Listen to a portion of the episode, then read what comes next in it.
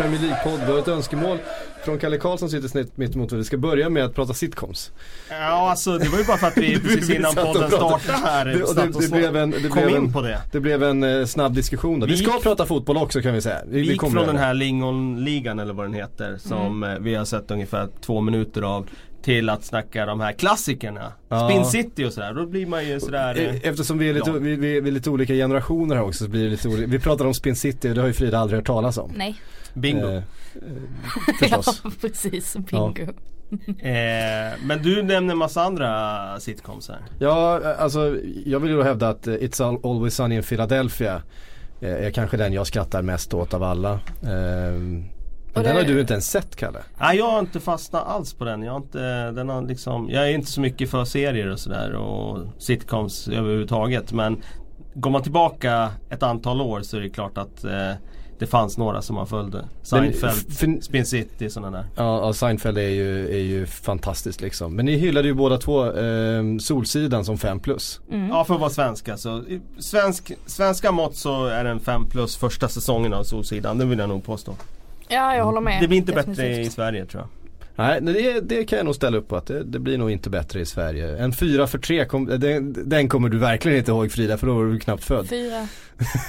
Göra, Ah, göra ja, Gillinger. Ja, ja, och jag känner igen den. Men jag ser den inte framför mig. Var det den där med Robert Gustafsson? Nej? Nej, det var ju rena rama Rolf. Ja, det var rena Romar. Vad heter fyra av...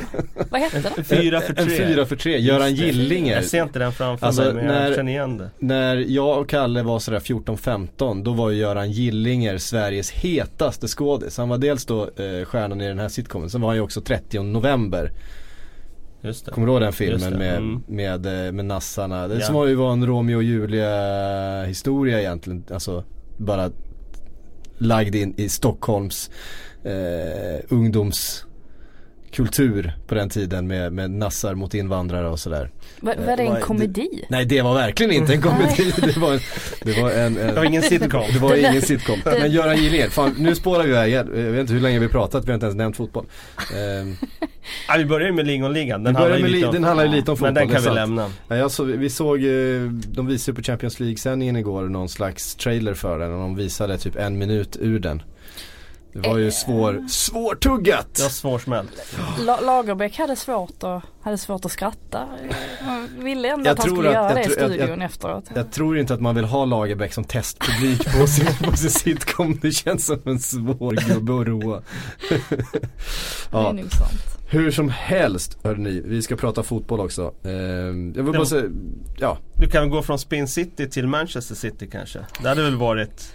Snyggt. Kall, Kalle med en, eh, en av säsongens bättre segways här Ja, jag säga. trodde du skulle... det- Jag tyckte den låg på straffpunkten Ja det där, gjorde det ju verkligen. Jag flög iväg någon annanstans i hjärnan där. Men, men från Spin City till Manchester City då som jag har haft en snurrig vecka. Eh, om vi säger så. Det har inte varit, det, det är ju den tyngsta veckan sen Pep tog över eh, City, det får man ändå säga. Det är tre raka förluster, det är uttåg ur eh, Champions League i kvartsfinalen. Ja, alltså det var väl ganska stökigt under första säsongen men nu faller de ju från sjunde himlen och då blir ju fallet ganska tungt. Eh, derbyt, ja det var ju tungt i sig såklart att inte få sätta liksom den där pricken över i och, och avgöra det mot värsta rivalen. Eh, men den tror jag de kan leva med ändå eh, någonstans bara för att det är ändå avgjort i den i, i den titelstriden. Ehm, eh. Men eh, gårdagen är ju såklart ett hårt slag. Även om de gick in igår med ganska små chanser så får de ju faktiskt efter två minuter då är det ju verkligen match igen. För att eh, de gånger det verkligen har gått att vända då är min känsla att då har det varit för att det har blivit ett tidigt mål i matchen som lite förändrar det sätter griller i huvudet på det där andra laget som hade en stor ledning och så plötsligt så så känner de att eh, är det en sån här dag när, när vi ska slarva bort det här guldläget. Så att eh, det är klart det var tungt för City. Mm. Ja, eh, hur var dina intryck Frida eh, i halvtid? Trodde du att eh, de skulle lösa det? Så jag var faktiskt förvånad över att de inte kändes ännu hetare med tanke på att de fick det tidiga ledningsmålet. Eh, jag tyckte inte man kände den där eh, riktiga hungern ändå. Eh, sen är det klart att Liverpool gör det bra och sånt i, i försvarsspelet men de blir ju väldigt låga. De, de mm. låter ju verkligen City trycka upp hela laget. Och, visst, de skulle kanske, eller de skulle ha haft ett mål precis innan paus där som blir bortdömd för offside. Helt obegripligt. Mm. Eh, för övrigt en väldigt konstig diskussion huruvida, huruvida bollen för Milner var medveten eller ej. Eftersom ja, det kommer från Karius så blir det ju helt, eh, det blir en icke-diskussion. Men, men är det, jag tycker det är jätteintressant den här situationen. För det är ju så här att eh, Regeln är ju solklar men det kan ju dyka upp situationer som blir väldigt diffusa på det mm. sättet att de blir extremt svårbedömda. I realtid tror jag inte någon kunde hålla koll på alla de där olika grejerna. För när det sker, då var det min första, okej okay, han är ju nedanför målvakten så det är offside. Mm. Ja. Sen eh, på första reprisen ser man, okej okay, bollen kommer från Milner. Ja, mm. men Milner det är ju inte någon medveten spark från hans sida. Ja men då ska det ju vara offside i alla fall. Men nu kommer ju bollen från Karius. Mm. Så det var ju ganska många saker som gör att det blir svårbedömt. Och eh, ja, det är klart det hade förändrat ganska mycket med 2-0 där. Mm. Mm. Um, jag tyckte ändå man såg samma sak i derbyt i, i lördags. Säger jag inte fel? Mm. Nej, i lördags. Um, men just det här med att visst Manchester City leder med 2-0 i halvtid och har haft bud på ytterligare 3-4 mål. Men det känns liksom ändå inte som att de är sådär jätteheta. De har tappat den här lilla glöden som man såg för ett par ja, eller någon månad sedan eller innan den här dippen. Jag vet inte riktigt vad det är, jag kan inte sätta fingret på det. Men då blir det ju enklare för det andra laget att vinna också om de inte har det där. Det räcker ju inte bara att skapa målchanser, man måste ju få in bollen också, man måste ju visa någonting.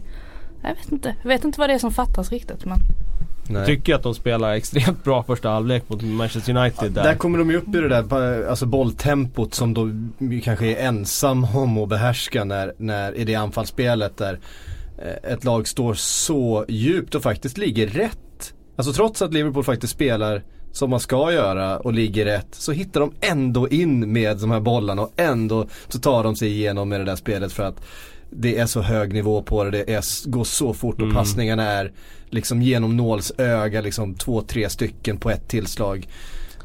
Um, och de kommer ju upp i den nivån.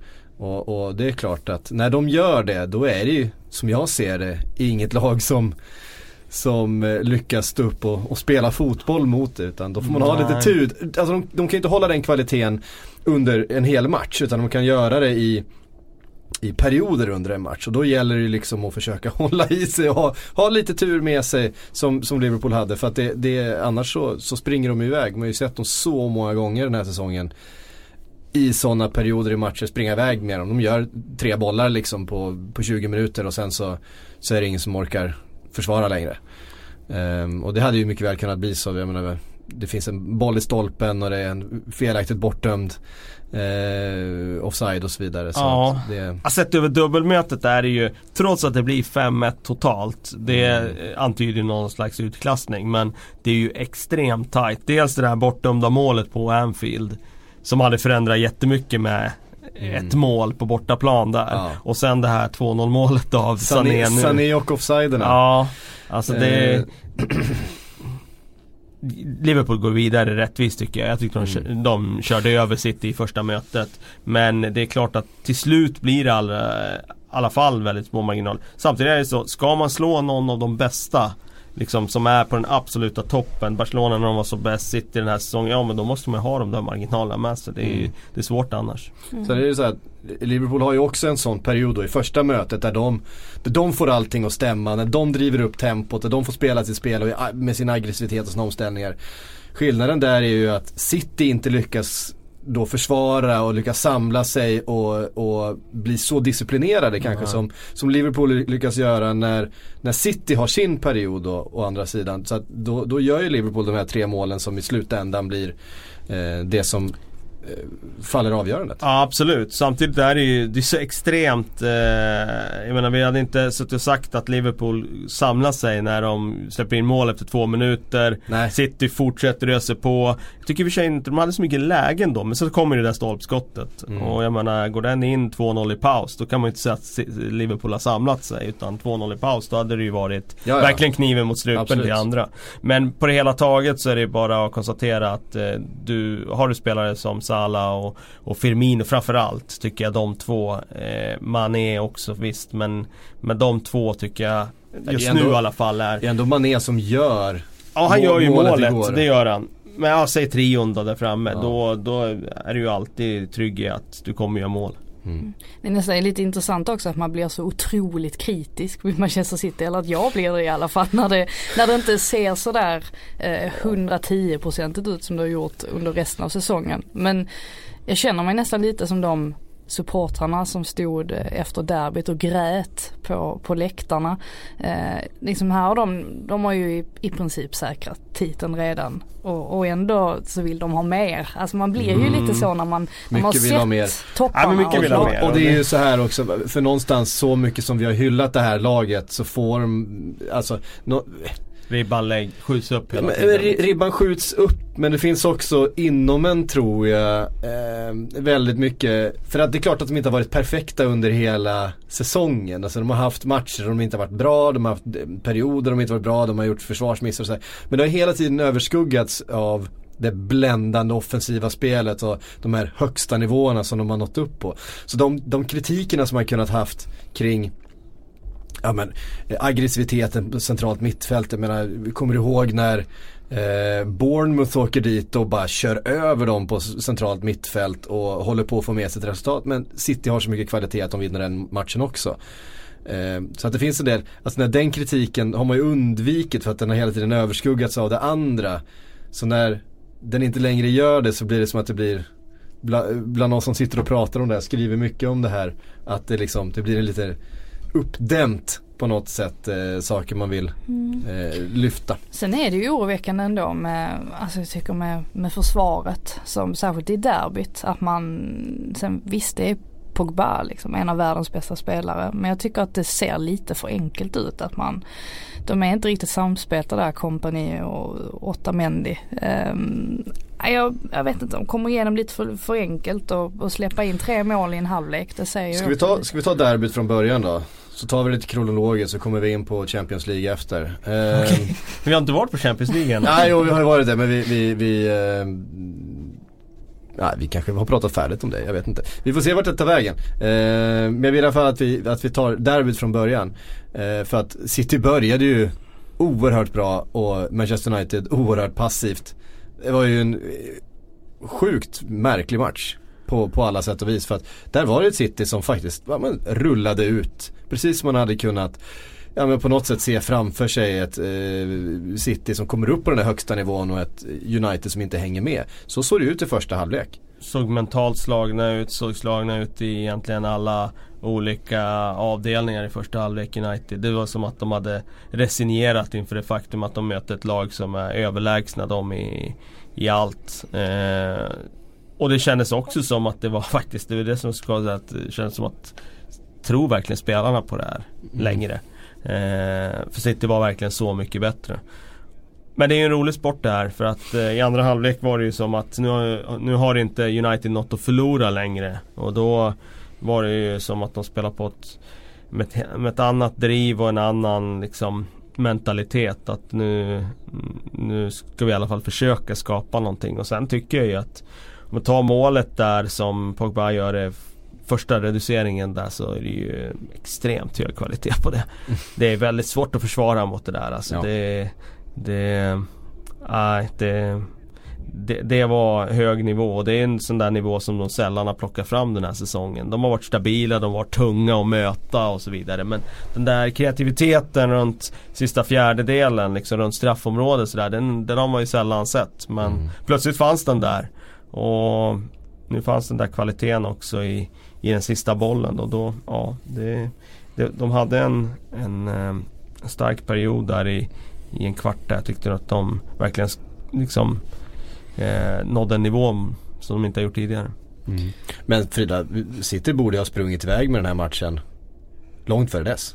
ja, det är ju det som, som blir att man, man får lite känslan av att de eh, Nej, att det nästan blir lite nonchalant. Alltså Sterling, vad har han? Tre, fyra möjligheter i första halvlek som han i alla fall borde ha satt en av.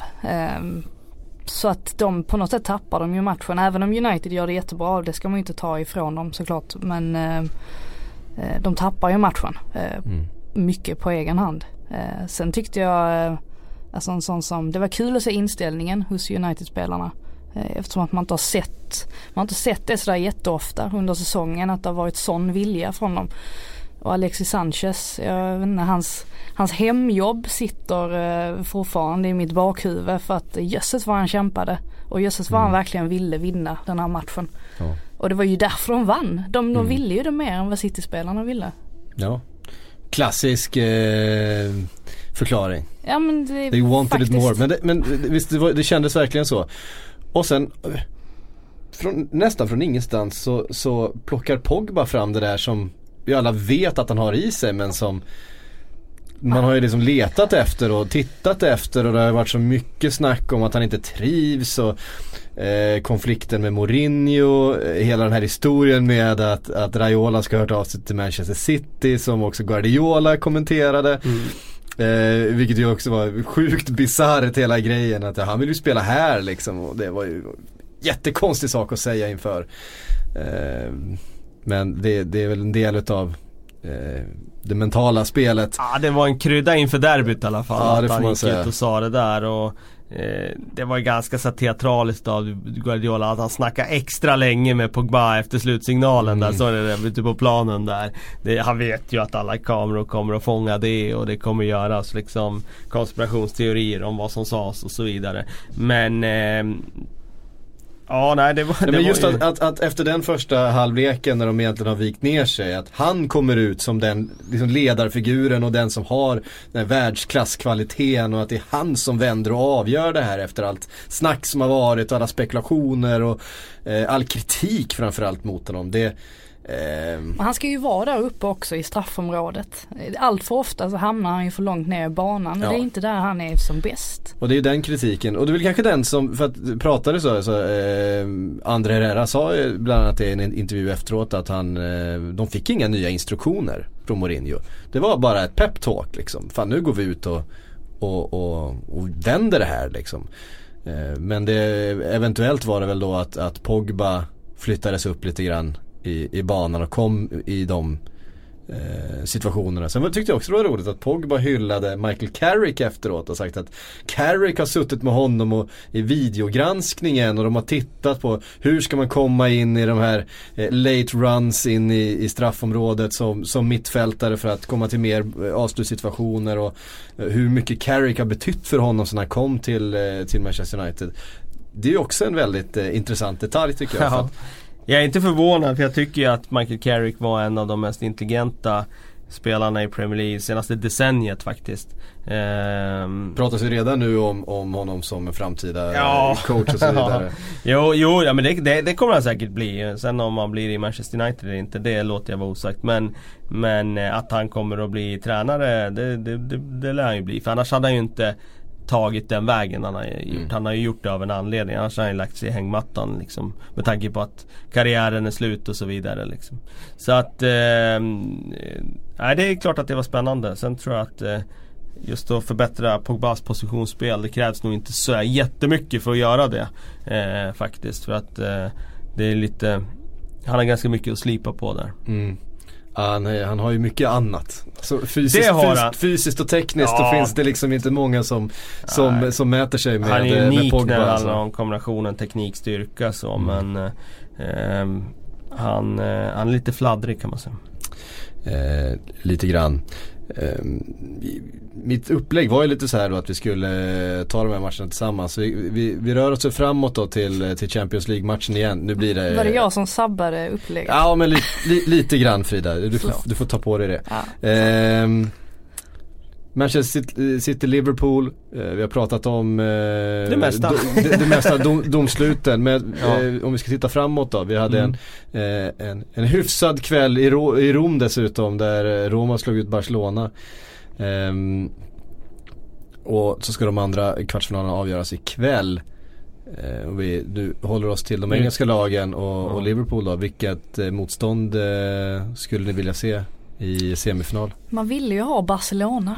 Man vill ju ha, jag vill också ha Barcelona som, som Liverpool-supporter. Just med tanke på att man vill se liksom hans min för att om Liverpool skulle vinna Champions League så får ju Coutinho en Champions League-medalj. Ja det får han ja. Eh, så vem håller han, vem skulle han hålla på i eh, ett möte mellan Barcelona och Liverpool i Champions League just nu?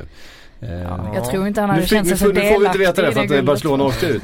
Men det hade varit en... Ja, det hade varit kittlande. Bara sådär. En liten twist. Så en, liten, en liten twist. Vem Men, håller han på? Ja. Nej, alltså jag, jag fick ju lite feeling för Roma igår. Alltså, jag tror att mm. de kan gå hela vägen. Alltså jag tror det. Eh, den inspirationen som de, ja, som de alltså, rider på just nu, den ska man inte underskatta. Och underdog-grejen just, ja. att det är ingen som kommer räkna med dem nu. Så att, eh, alltså, det ska inte förvåna mig om de går hela vägen nu efter den där grejen. För ofta när man gör den där typen av eh, sjuka grejer så, så då brukar det leda någonstans också. Eh, det är klart att Roma är såklart eh, den bästa lottningen för Liverpool. Det är svårt att säga annorlunda när det finns lag som Real Madrid och, och Bayern i, i leken. Ja, eh, som ju fortfarande får, anses vara de två favoriterna Ja det är klart att de är det. Det är klart att de är det. Och nu har ju Real kommit igång på ett sätt. Ronaldo har kommit igång på ett sätt. Så det är klart man inte vill ha dem. Hade det varit i höstas med Reals form då, då hade jag sagt att det är bättre att ha ett lag som är så helt på dekis. Som de var då mm. i höstas när Ronaldo knappt gjorde mål och laget fungerade väldigt dysfunktionellt. Ja. Mm. Ändå en liten rolig koppling mellan Roma och Liverpool också i, i Sala. Mm. Det blir ju speciellt där också om man nu vill hitta vinklar. Ja. som han, och finalen 84 och finalen så vidare. 84. Alltså det finns mycket där men eh, ja. Mm. Nej men och, och det finns ju också lite strukturella eh, kopplingar mellan dem. Deras ägare är ju tidigare tillhört samma konsortie och så vidare. Eh, för det, visst, jag tror att det är samma ägare fortfarande i, Roma. De var in, involverade i samma eh, företag där. Mm. Eh, Kul också att se Edin Seko att han eh, fortsätter och eh, det känns som att man alltid tror han, att han är slut. Och sen är han ändå inte det. Han trotsar tyngdlagen lite grann på något sätt. För det är som att han, han Alltså man, man, förstår ju att det går men man tror ju inte att han ska klara alla de här sakerna. Alltså nedtagningen han gör på första målet igår. Den, den, är, den är fullständig världsklass. Det ser lite fumligt ut. Det ser lite slumpartat eh, ut sådär. Men gör man det om och om och om igen som han ju gör. Då är det ju förstås inte det. Men just att han, han, han ser ju lite kantig och lite spretig ut i sitt spel ibland. Det är inte någon Alltså det är en stor, det är en stor snubbe liksom. Det är inte den låga, låga tyngdpunkten och eh, de mjuka fötterna liksom. Men, men med mjuka fötter har han och, och oerhört bra balans. Bra målsinne. Han gör ju mål när han får förtroende oavsett ja. om det är i Wolfsburg, om det är Manchester City eller om det är i, i Roma. Liksom. Han eh, hade ju väldigt bra mål per minut i Manchester City. För han var ju ofta inhoppare och gjorde mm. sena viktiga mål där också. Så att eh, han är en sån som luktar sig till chanserna. Mm. Jag tror att han inte gick till Chelsea då i, under januarifönstret. Det kändes som att det var ganska nära ändå. Men det var väl nog han själv som inte ville. Jag... Ja, det känns som att han trivs väldigt bra där han är just nu och jag tror att i dagsläget så finns det inte mycket som skulle, skulle kunna få honom att eh, göra någonting annat än att spela fotboll för Roma. För att eh, eh det, det är nog hyfsad stämning där nere i den klubben just nu. Ja, det var nog en magisk natt i Rom. Det kändes som att den, det var en sån där natt som aldrig tog slut tror jag. Ja, det var inte många som som, eh, som klev upp och gick till jobbet i morse i vanlig tid. Nej, nej helt otroliga bilder därifrån. Jag menar 3-0 på Barcelona, det, det, det gör man ju inte. Nej. Det gör man ju inte. Eh, det, det, ska ju inte gå. Samtidigt, ja nu ska jag inte sitta, men jag gick in på livebettingen igår faktiskt. Spelade på Roma när de gjorde 2 För då kände jag att det, ja det här Ja men de hade ju fler lägen ju. Ja, de hade ju många liksom, lägen. Det var ju överkant också första mötet. Mm. Ja, alltså Barcelona hade ju tur då som vann med 4-1 tyckte jag. Och, nu igår så, så de, redan i första halvlek där kändes det som att ja. de, var, de var mycket hetare, de var där. Och sen tycker Kolla jag också, de skulle haft en straff i början där. Jag tycker den är tycker den är given. Sen tycker jag Barcelona, de har ju fantastisk statistik i ligan och inte förlorat än och så vidare. Men det här Barcelona-laget tycker inte jag har imponerat på det sättet. att De har inte varit spelmässigt sådär imponerande. Utan det har ju varit ett eh, ännu mer Messi-beroende lag. Mm. Och tack vare hans genialitet så har de eh, sprungit iväg med ligan. Men ta bort honom, ja då ligger de under mot Sevilla med 2-0 som de gjorde för ett par veckor sedan här. Ja, för trots att de har betalt nästan då 3 miljarder totalt för Dembélé och Coutinho så behövs det ju byggas om ännu mer. Det är ju Känns som det. uppenbart. Suarez är ju inte vad han har varit till Nej, exempel. det är han inte. Eh. Och sen är det ju för deras del då oroväckande med att både Iniesta och Busquets blir också äldre. Ja. Eh, alltså det där är ju super världsklasspelare de har haft mm. under nästan 10 års tid. Ja. Och hur ska de ersätta dem? Ja. Det var väl lite därför de ville ha Coutinho trots att han var cup-tied. Just för att de ska liksom få in honom i den här Iniesta-rollen så snabbt som möjligt så att mm. övergången ska bli smärtfri. Eh, men ja, vi får väl se var de eh, var de hamnar till slut. Har ju inte eh, heller kommit helt in i det än Coutinho känns det som i Barcelona. Det är inte så att han har kommit ner och, och dominerat direkt. Eh, har ju haft lite skadebekymmer också. Eh, sådär när han kom ner. Ha, hur som helst. Vi tar oss tillbaks igen då till eh, helgen och omgången som var där. Det var ett eh, Merseyside derby. Det brukar vi prata rätt mycket om. Fanns inte så mycket att säga den här veckan. Det var ett Liverpool som hade tankarna någon annanstans och ett Everton med Sam Allardyce som inte vill spela fotboll. Eh, inte kan spela fotboll. Eh, har det varit så här tråkiga Merseyside-derbyn i ligan? All, aldrig. Alltså det var inte, det delades inte ut ett enda kort. Det är alltså det, det, det mötet i engelsk fotboll som det har varit flest utvisningar i genom tiderna. Det delades inte ut ett enda kort i helgen och jag menar det, ja, det var, det var ett, ett lag som är, är klart, klart bättre än det andra som hade tankarna någon annanstans som dessutom spelade med, med bänkspelare i, på de flesta positionerna. De har tagit bort sina bästa spelare. Eh, borde kanske ändå ha vunnit. Ett Everton som, som eh, ställer upp defensivt, som inte har någon fart. Eh, som har en tränare som vet att han inte kommer vara kvar. Som har spelare som vet att de, eh, de kommer inte åstadkomma någonting den här säsongen. Eh, de kommer heller inte åka ur ja, det var bara med. Ett par fina räddningar fick vi se. Både Pickford och, och Karius fick eh, stå för varsin. Ja, alltså eh, Bolasi han curlade ett skott som var ja. ganska hög kvalitet som eh, eh, framkallade en vass räddning. Mm. Och Milner hade en liknande, inte mm. riktigt lika vass som, ja, som Bolasi men som Pickford räddade på ett liknande sätt. Och det, var, ja, mm. det var typ det man tog med sig. Man blir lite, lite provocerad ändå av Evertons sätt att spela på. De sista vad blir det, 5-6 minuterna är de ju jättebra och trycker på. Och har ju möjlighet också att få in ett, ett segermål. Men varför spelar de inte så när de ser att Liverpool har tankarna på ett annat ställe. De, mm. de har bytt ut, eh, det är liksom reservlag nästan rakt igenom. Varför tar de inte chansen då och försöker spela? Men, det, är så, det, det, är så provocerande att se. Nej men varken Salah eller Firmino är med. Då kan man ju flytta upp backlinjen lite grann och försöka och våga riskera. För att mena Ings och Solanke är ju inte eh, det är ju inte världsklass liksom. Så att det ska de ju kunna hantera och våga spela lite grann. Och de är ju en trupp som är byggd för att spela fotboll. Det är ju trots allt så. Tyckte det blev, det blev bättre när Carol Lewin kom in faktiskt. Han, mm. han kändes som en, som en frisk fläkt. Men det sa ju också allt när Wayne Rooney blev utbytt och han liksom, vad han nu än skrek åt Sam Allardyce. Alltså det där är ju en frustration. Ja, ja, ja. Alltså, spelarna. Det finns ju, alltså Big Sam kommer nog eh, inte spendera så många minuter på, på eh, Evertons träningsanläggning som jag inte kommer ihåg namnet på nu. Finch Farm. Finch Farm efter eh, sista matchen är spelad den här säsongen. Jag tror de är rätt klara med varandra. Jag tror han återgår till att vara pensionär faktiskt. Ja det tror jag också. Han skulle ju umgås med barnbarnen sa han ju där när han lämnade in handduken och det är väl Så nu kom, har det ju redan kommit kontraktserbjudanden till honom har jag sett. Eh, det var väl snack om att West Brom ville Stockport tror jag du skulle säga. ja. Eh, desto mer intressant är ett London-derby då mellan Chelsea och West Ham i söndags. Eh, Chelsea dominanta. Men eh, Chicharito i boxen. Så, då vet man vad som händer. Jag har inte sett matchen faktiskt så att jag vet inget mer. Jag har sett hans mål. Mm. Så mycket mer eh, har jag faktiskt inte eh, koll på just den fighten. Nej jag var ju på Gavlevallen och såg allsvensk fotboll. Så jag, jag missade också den men eh, Nej, man trodde ju, jag är ändå förvånad över att Chicharito ändå har levt upp på något sätt. För att det kändes som att det var så nära en flytt till MLS.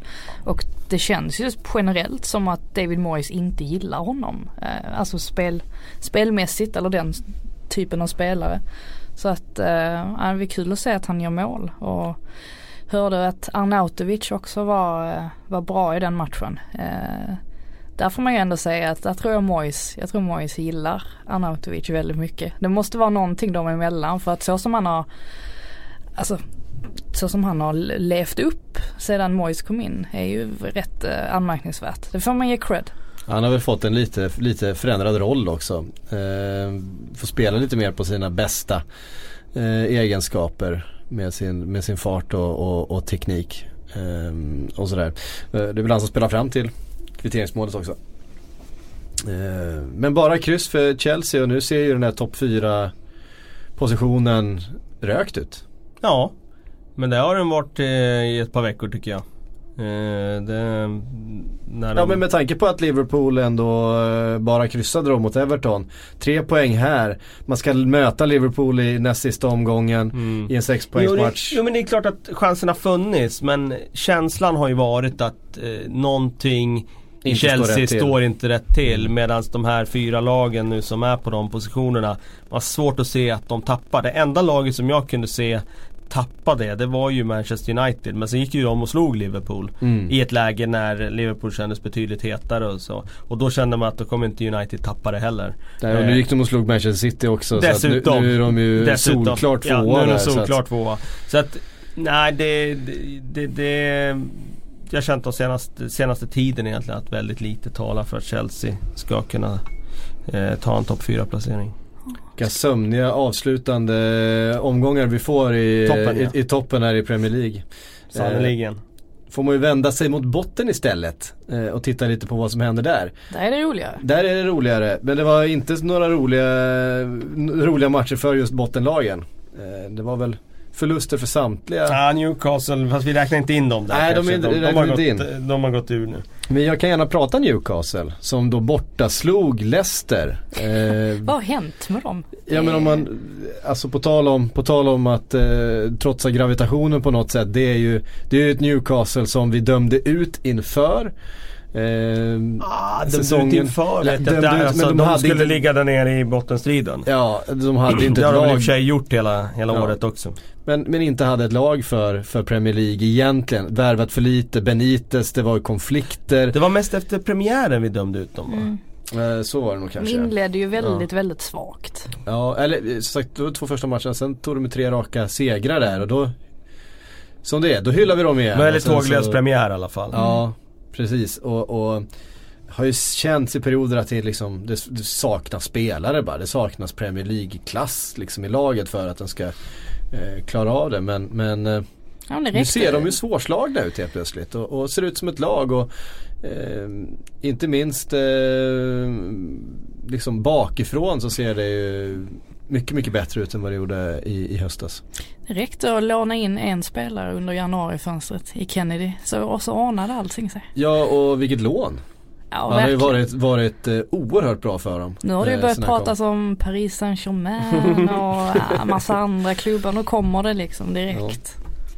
Nej man måste ju ändå eh, skicka en eloge till Benitez. som, ju, som ju har fått ihop det här och, och visar att han hans, hans aktier efter att han fick kicken från Real Madrid och tog över liksom ett Newcastle eh, i den situationen den, då, då var ju hans aktier rätt så, rätt så låga.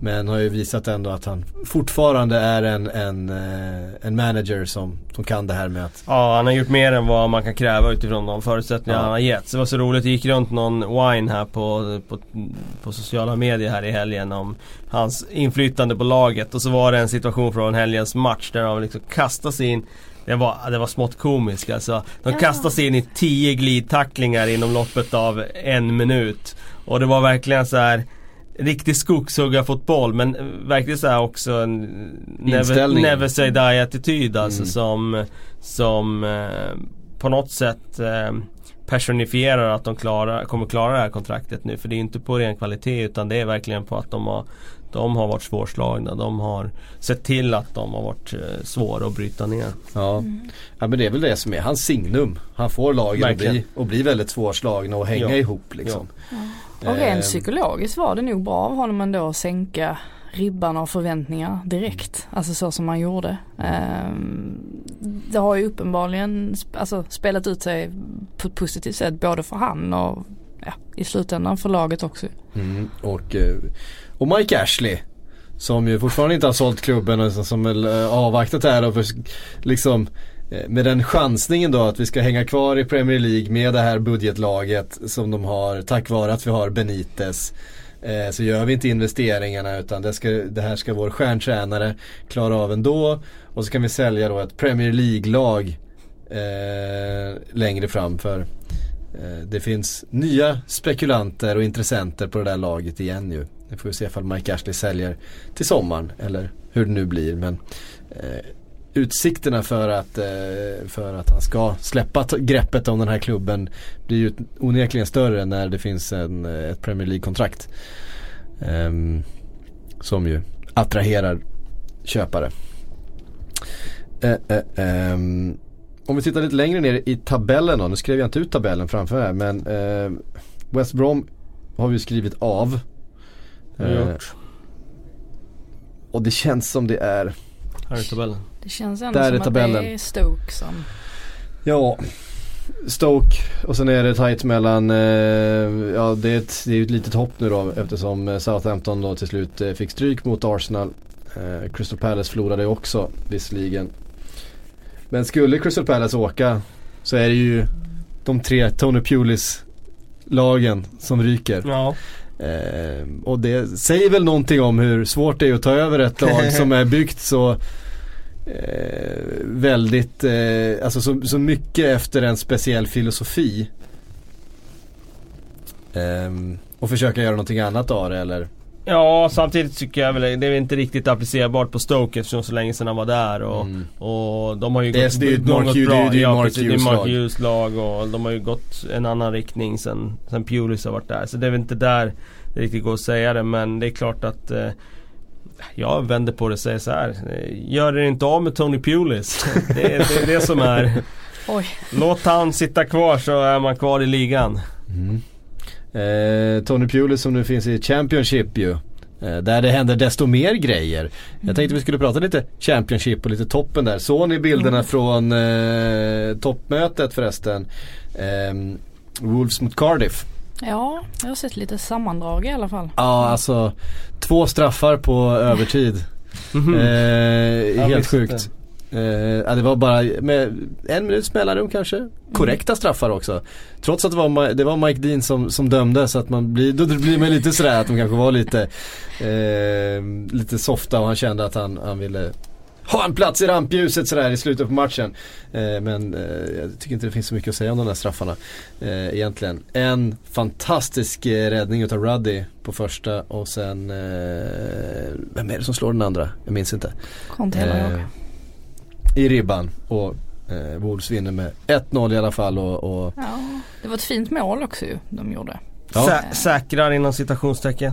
Uh, ja, är de klara nu va? Nej, det är de inte. inte men, nej, de är inte klara men det känns ju som det. Precis, ja, de har åtta poäng och fem matcher kvar att spela. Ja, Ställs uh, mot Derby ikväll. Derby ikväll ja. Uh, men också, vi måste säga, Millwall. Vad har hänt med det där laget? Är det Tim Cahill? Mm, det är den Cahill-effekten. Efter den fantastiska presentationsvideon så ja, bara precis. på. Nej, de går som tåget och är nu uppe på sjätte plats. Alltså de är uppe på kvalplats efter att ha liksom legat i botten verkligen under stor del av hösten. Så äh, de, de, de har ju inte förlorat på, jag vet inte hur många omgångar det är men äh, jag tror inte någon vill ha Millwall i ett kval. Alltså när vi vet hur kvalet till Premier League brukar vara, de matcherna, den intensiteten, inramningen. Det är ju ingen som vill åka till den och spela, och spela, och spela kval till Premier League. Jag tycker ju det här playoff, jag älskar ju playoffet. Älskar playoffet, ja. Alltså det är så jäkla eh, häftigt att bara att det är så många lag som går till det här playoffet mm. också.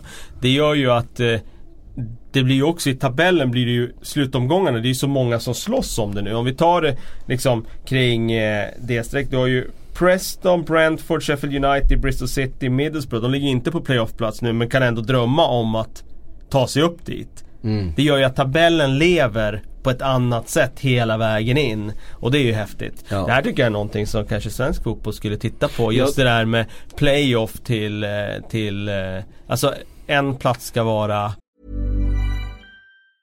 Normally, being a little extra might be a bit much, but not when it comes to healthcare. That's why United Healthcare's Health Protector Guard fixed indemnity insurance plans, underwritten by Golden Rule Insurance Company, supplement your primary plan so you manage out of pocket costs. Learn more at uh1.com. ja, kvalplatsen ska vara playoff istället. Det, men det räcker med att du har en plats att spela om, bara att det är många lag som slåss om det. Den, liksom. ja, ja. Eh, för att, jag menar, du har två lag som går direkt, du har den här automatiska uppflyttningen som jag också tycker är viktig. Att vinner mm. man en serie så ska man Faktiskt. Ja, det ska, ja absolut, så, så, någon, så, så ska man, det vara. Då ska man vinna den och kommer man sist ska man åka ur. Men just den där ensamma positionen, den är ju... Ja den är häftig. Den, den, är, den är, den är, är kittlande. Ja, den är och så ska rolig. man lägga finalen, Friends. Ja precis. Oavsett nivå. Ja.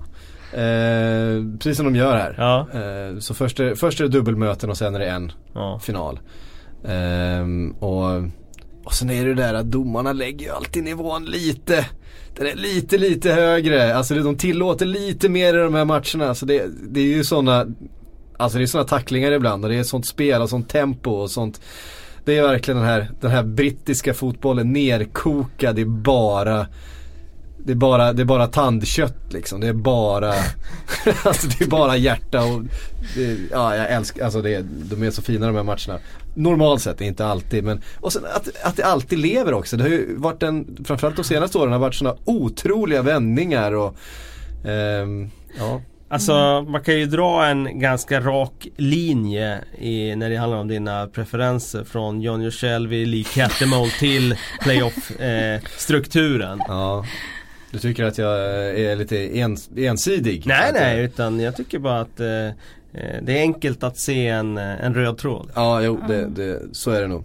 Uh, Fighterbloggen uh, drev, drev jag ju under några år här.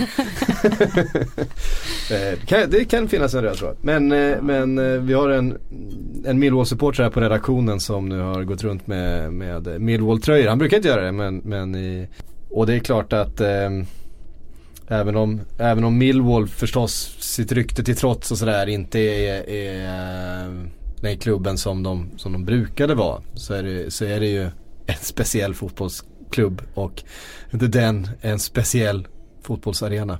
Så att det, det kittlar lite grann. Vet, har de, de, har väl aldrig, de har väl inga Premier League-säsonger? Nej. Um, men ändå så har de ju satt sitt avtryck på, på engelsk fotboll om man säger så. Fuck you I'm Millwall om man säger så. Det var, det var, det var ett fint sätt att, att säga de har satt sitt avtryck. Ja, det, det har de ju verkligen gjort. Mm. Eh. Alltså skulle de gå upp då hade vi haft två stycken eh, derbyn mot Chelsea och två stycken derbyn mot West Ham. Ja, det... Jag vet inte om det är någonting som eh, Londons stad skulle tycka var, var en jättebra idé men eh, det hade blivit intensivt i alla fall. Det finns lite komplikationer där. Mm, tror inte man tar med sina barn till de matcherna. Får nog lämna Nej. dem hemma. Kanske, kanske. Eh, Wolves nämnde vi är ju klara vinnare utav det här Champions. Ska ju vinna också med det laget som de har. Ja, det är intressant att se dock bara vad som kommer hända när de går upp. Eh, för hela det här Mendes-nätverket är ju på något sätt det som mm. har gjort att de kan gå upp ens. Eh, och givetvis de kinesiska investerarna som har pumpat in pengar. Men det är ju en del spelare där som är på lån. Alltså Diego ja. Jota till exempel. Eh, vad kommer hända med honom om de går upp? Alltså kommer, kommer lånet förlängas eller vad? Ja, det, det, känns som att det är mycket, mycket oklarheter men Mendes är nog eh, väldigt, väldigt nöjd med att äntligen få en klubb i Premier League som han kan eh, ha med i sitt nätverk. Mm. Det säger han nog inte nej till. Nej, alltså han eh, han kommer ju lösa spelar, eh, alltså spelartruppen kommer ju vara bra när de går upp i Premier League. Den är ju redan bra. Alltså en spelare som Ruben Neves är ju liksom han är lite för bra för Championship om man säger så. Mm. Hans frispark var snygg nu mot eh, Cardiff. Ja, det, det var ju han som slog in den eh, fantastiskt fint och, och har ju varit väldigt, väldigt bra den här säsongen också. Såklart. Det, han var ju på gång till topp 6-klubbarna liksom. Så helt plötsligt så går han till, till Wolves och så undrar man vad fan var det som hände där? Och sen säger man just det, han är ju portugis och Jorge Mendes och så vidare. Ja, liksom 12 nya spelare inför säsongen. Man var ju inte helt säker på att de skulle få ihop det. Så. Få ihop det ändå. Ja. Alltså det är inte, även om man har spelare med mycket kvaliteter så är det ju inte nödvändigtvis så att, att det lyckas. Men, men det har de ju gjort. Mm. Um, Cardiff då som man eh, länge såg som eh, den självklara tvåan gick ju ungefär som Millwall som tåget eh, länge i, vintras här. Eh, på två raka förluster nu. Först eh, mot Wolves då i helgen och sen igår mot Aston Villa. Sent mål. Eh, ni har sett bilden på eh, Karev var ju där. Eh, de gjorde en stor grej på Villa Park om att Karev var där på besök igen. John Carew John, John Carew ja. Det är en bild här när han står med eh, Prins Charles, nej vad heter han? Prins William. Just det eh, bredvid varandra, omfamnar varandra efter den sena eh, Aston Villa segern där. Så två raka torsk för Cardiff har gjort att Fulham nu är uppe på, ja, på andra, andra platsen. Mm. det är ju kul. Alltså. En trivsam arena. Eh, ja, lite de är, charmigt lag sådär. De, blir, de är ju en, eh, en kontrast mot, mot Millwall. Alltså Craven Cottage och, och, The Den, det är ju liksom Det är ingen som Det, det är ytterligheter Det är ingen som ogillar Fulham. Nej, alltså det är, det är svårt att tycka. Ja, det, det är liksom, de är ju bara en lillebrodern liksom. Ja, jag menar Scott Parker kan få Player of the Year för att det, det är trevligt och ingen... Ja, ja men det var ju, det var ju West Ham Ja, han var i West Ham då ja. Ja, ja sorry. Mm. Men, eh, nej, men det är ju det är en lite charmig klubb sådär och eh, fin arena i Uptown där och ja. så vidare. Men visst är det så att man går in på planen när man ska gå till, till läktaren fortfarande? Mm. Eh, man går in, man måste, man måste gå några meter på gräset. I alla fall till, till någon av läktarna. Det var några eh. år sedan jag var där men stämmer säkert. Mm. Eh, vi eh, ska ta en massa frågor tänkte jag som vanligt. Eh, Mattias Edström börjar vi med. Han vill att vi ska prata om Aubameyangs framfart i Arsenal. Början på något nytt. Vi pratade inte så mycket om eh, Southampton Arsenal tidigare men vi kan väl nämna Eh, Två Welbeck-mål. Två Welbeck-mål, bara en sån sak. Welbeck och Shane Long gör mål i samma match. Eh, kors i taket. Ja, verkligen. Shane Long har ju inte gjort mål sen Kvarn brann. Ja, det tror jag är hans andra mål för säsongen. Ja, han hade gjort det tidigare i alla fall. Ja, ja okej. Okay. Mm. Mm. Men det är ju inte bra. Nej det är inte bra. Det är inte bra. jag trodde världen var upp och ner när jag fick eh, notiser om att Welbeck hade gjort en massa mål och i vår började spela fram. Men sen fick jag höra eh, väldigt snabbt att Welbeck hade bränt en massa lägen också. så då kändes det som att, ja men vad skönt. Och det plus minus snurrade världen tillbaka ja, till men exakt. där den ska vara. Ja. Mm. Men Aubameyangs framfart då? Det är klart att eh, köper man en spelare för de, för de pengarna och en spelare som vunnit eh, skytteligan i Bundesliga ett par år i rad och eh, en av Europas absolut bästa avslutare att han skulle vara bra i Arsenal också. Ja det förväntar vi oss. Det, det ska vi förvänta oss. De kraven ska vi ställa och det tror jag han kan bli på sikt också. Mm. Eh, jag menar, ingen lätt läge att komma in i heller här nu i januari där det liksom sker truppförändringar och klubben är väl inte i sin bästa period heller. Det är lite osäkerhet kring många saker. Men ge honom lite tid där så, så kan det säkert bli bra framöver. Det blir spännande att se vad som händer med Åba till nästa säsong. Mm. Mm. Men det är också viktigt att de har den här, det här namnet och den här stjärnan kvar i, i, uh, i truppen. När man ska bygga någonting nytt att det finns uh, Säg att det ska komma in en ny manager eller vad som helst. Att det finns Det finns en klassspelare där som man vet är kvar och som uh, man kan bygga någonting runt. Han är ändå, är han 29? Ja det stämmer väl va. Så det känns som att han har några säsonger där de kan hänga upp lite utav det här nybygget och den här förändringen som kommer ske när Wenger lämnar eh, i sommar. Eller nästa sommar. Ja. eller hur det nu blir. Eh, så kan de hänga upp en del utav den, eh, den förändringen på Aubameyang och det måste ju betyda väldigt mycket. Mm. Det är bara oroväckande att alltså en sån spelare som Lacazette som de ansträngde sig så himla mycket för att få till klubben. Att han inte har haft den där betydande rollen ändå som att som man mm. kanske hade förväntat sig. Det gör att man blir lite orolig för Aubameyangs skull också. För man vill ju inte att samma sak ska hända där. Att det liksom bara, ja, att det, det bara låser sig och sen så, ja, kommer han inte få den där framträdande rollen riktigt. Eh, Leon Johansson undrar hur ser säsongens flopp 11 ut? Oj, oj. Det är sånt här man vill fundera på lite grann. Ja. Eh, har vi några uppenbara? Det finns ju Ja, Keen i mittlåset är typ den första ja. jag kommer ja, tänka på. Renato Sanchez Renato på centralt Sanchez mittfält. Boni eh. måste nästan ja. in i den. Alltså, Sångfågeln Bonin. Det är ju rätt, rätt många ur den här satsningen som, som Everton gjorde i somras som ska in där. Alex, eller inte. Alex men, Sandro Ramirez. Sandro, Sandro Ramirez. Ja. David Klaasen. Ja. Spelare som kom för mycket pengar. Um, har inte lyckats alls. Nej. Har vi några? Har vi ja några i... gud, eh, Bakayoko. Ja, Bakayoko ska väl in där. Det, det blev ju inte heller speciellt bra.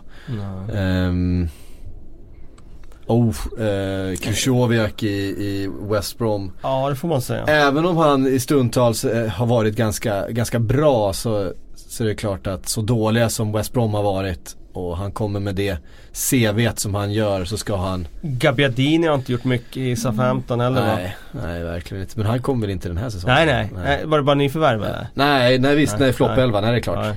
Det måste ju vara någon i West Ham också som vi kan peka ut. Några ja, floppar i West Ham. Alltså ja, backlinjen har ju... Backlinjen, Winston Reed har ju inte varit i närheten av den Nej. nivån han var på tidigare så att... Uh...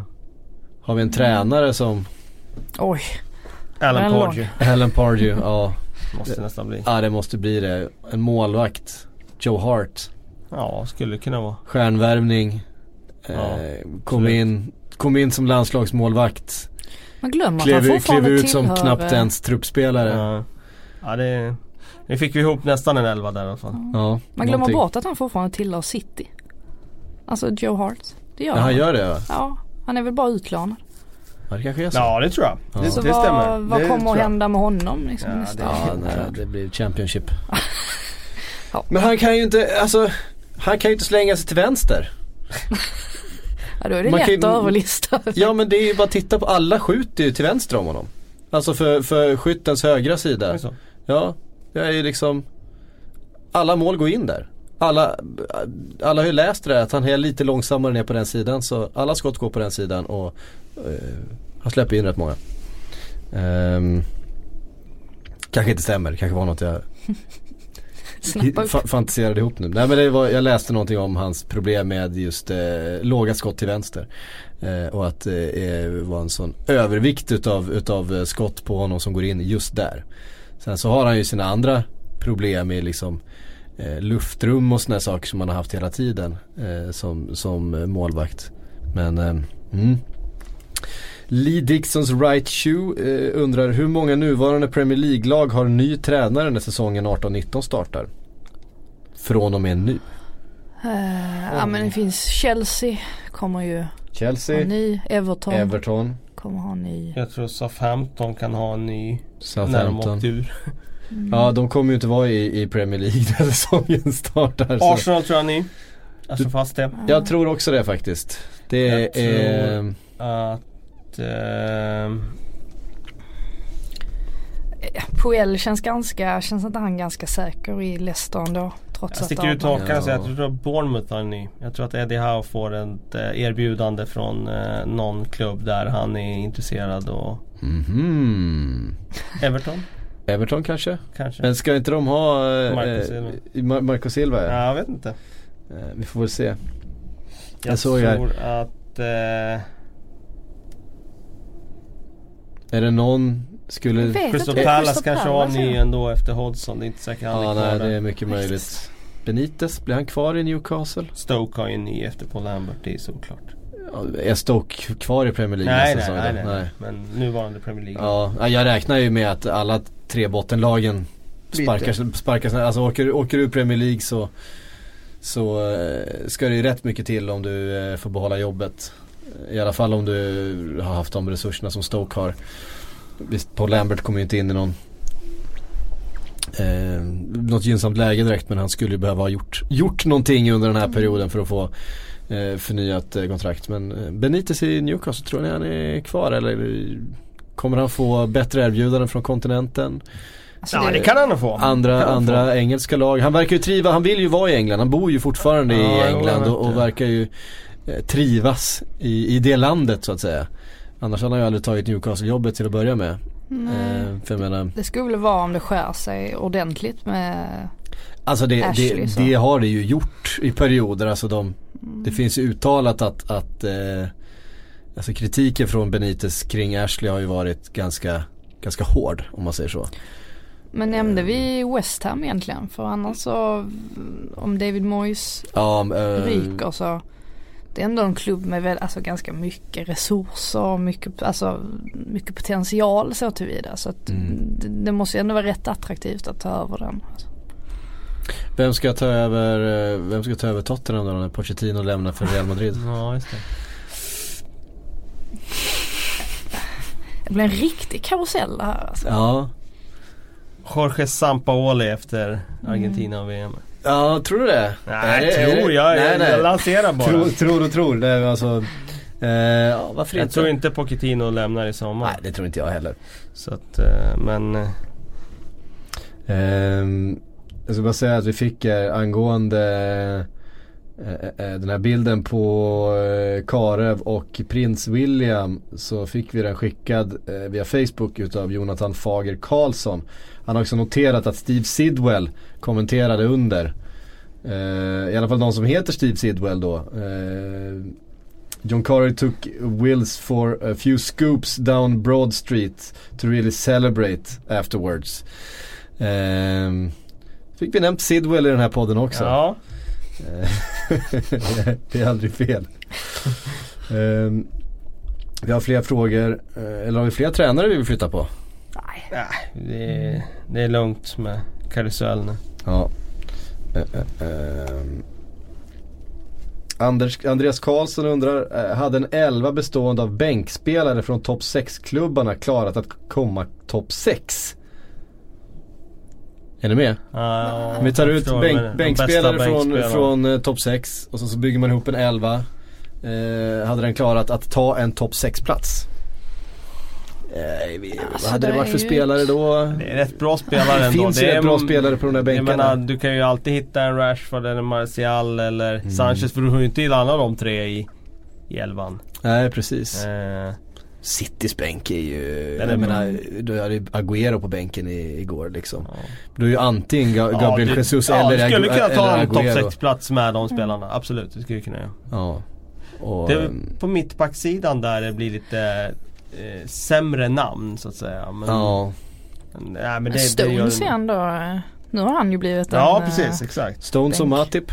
Ja, Stones och Stones och Company kanske. Rojo. Om, om vi Stones och Rojo. Matti är väl före Lovren om alla är hela och i form väl? Nej jag tror inte det. Är inte det nu? Nej, Han har varit så bra Lovren nu. Jag tror att, jag, jag tror att eh, Lovren och, och van Dijk eh, passar. Jag tror Ja, att, de passar bra eh, ihop, att, att, eh, Klopp känner att det är ett bättre par om Ja. man säger så. Sen, Mm. sen eh, pound for pound så är nog Matip en bättre mittback än vad Lovren är. Men eh, jag tror att han är för lik eh, van Dijk. Mm. Sådär så att eh, han, får, han, han är bänkspelare. Absolut.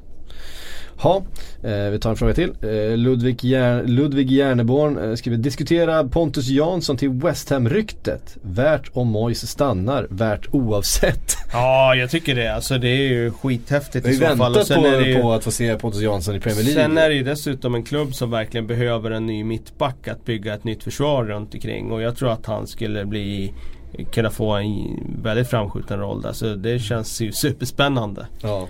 Han klev ju ut skadad igår eh, i Leeds i typ 57 minuten. Jag har ingen Okej. aning om hur, eh, hur skadad han Nej. är. Vi får hoppas att det inte är något allvarligt. Ja, precis. Har jag haft en lite svajig säsong eh, inledningsvis men nu är han ju tillbaks och, och eh, Jo men hela Leeds har ju haft en väldigt svajig säsong. Ja. Jag tror, han, alltså, jag tror det är mycket på grund av det. Eh, Pontus Jansson vet man ju att han ger 120 000 procent liksom, när han får chansen. Eh, spelar ju med ett otroligt stort hjärta. Mm. Ehm, Thomas Nygren undrar, är Rafa Benitez en rimlig kandidat som årets tränare? Ja, Det går inte att peta Guardiola från den där eh, Nej. fr- från, från den utmärkelsen. Men om vi bortser från, från ja, det, det beror väl lite på kanske vad Liverpool åstadkommer i, i Champions League också. Men om man bara tittar på ligaspelet. Nej, då har Sean, Sean Dyche kan Ja, vi heller inte bortse ifrån. Kommer att vara nummer två där. Eh, Pochettino, nej va. Nej. Eh, var det inte eh, Roy Hodgson blev utsedd, utsedd till årets, eh, årets tränare av London? Ja, Eh, i årets- London. Ja. I, I London ja, före Pochettino till exempel. Just det. Eh, ja, det kan man ju tycka vad man vill om. Swedish Gooner undrar vad händer med Martial? Han drar nog. Det känns nästan så va? Ja, jag tror nog det. eh, Det gör han nog rätt i också. Ja. På tal om... Däremot tycker jag det är jättedåligt rattat av eh, Manchester United för att eh, jag tycker att han har jättestor potential och eh, bra ålder så att, eh, att de slarv, om de slarvar bort honom så tycker jag att de gör ett misstag. Mm.